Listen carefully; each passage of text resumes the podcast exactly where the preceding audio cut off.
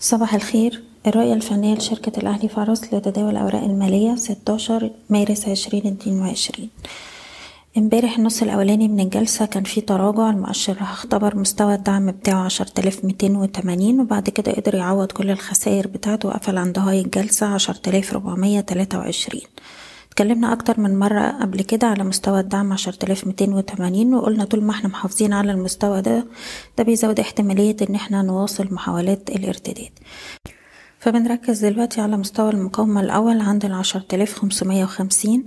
لو المؤشر قدر يتجاوز المستوى ده الأعلى بأحجام تداول عالية تبقى أول إشارة إيجابية بالنسبة لنا على الأجل القصير وهيبقى في مجال إن إحنا نروح لمستوى المقاومة التالي عند العشرة آلاف وسبعمية. بالنسبة للسي آي بي على مدار آخر ثلاث جلسات السهم ما بيعملش لوهات جديدة بقى عندنا مستوى دعم عند الواحد وأربعين جنيه. طول ما إحنا فوق المستوى ده عندنا مقاومات عند الاتنين وأربعين والاتنين وأربعين تمانين.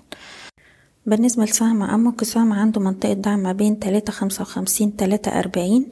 المنطقة دي وارد بنشوف منها محاولات ارتداد مرة تانية يعيد فيها التجربة على مستوى تلاتة جنيه وتسعين قرش.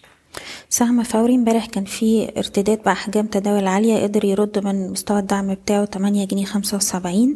طول ما إحنا فوق المنطقة دي شايفين نروح نجرب على مستوى العشرة جنيه ولو قدرنا نخترقها هيبقى عندنا العشرة جنيه وسبعين قرش. أخيرا سهم حديد عز عنده منطقة دعم ما بين أربعتاشر عشرة تلاتاشر جنيه وتمانين قرش.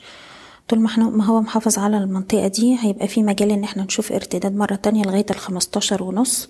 وبشكل عام السهم احتفاظ وتجميع طول ما هو محافظ على الدعم الرئيسي عند الاتناشر ونص. بشكركم بتمنى لكم التوفيق. إيضاح الشركة غير مسؤولة عن أي قرارات استثمارية يتم اتخاذها بناء على هذا التسجيل. شكرا.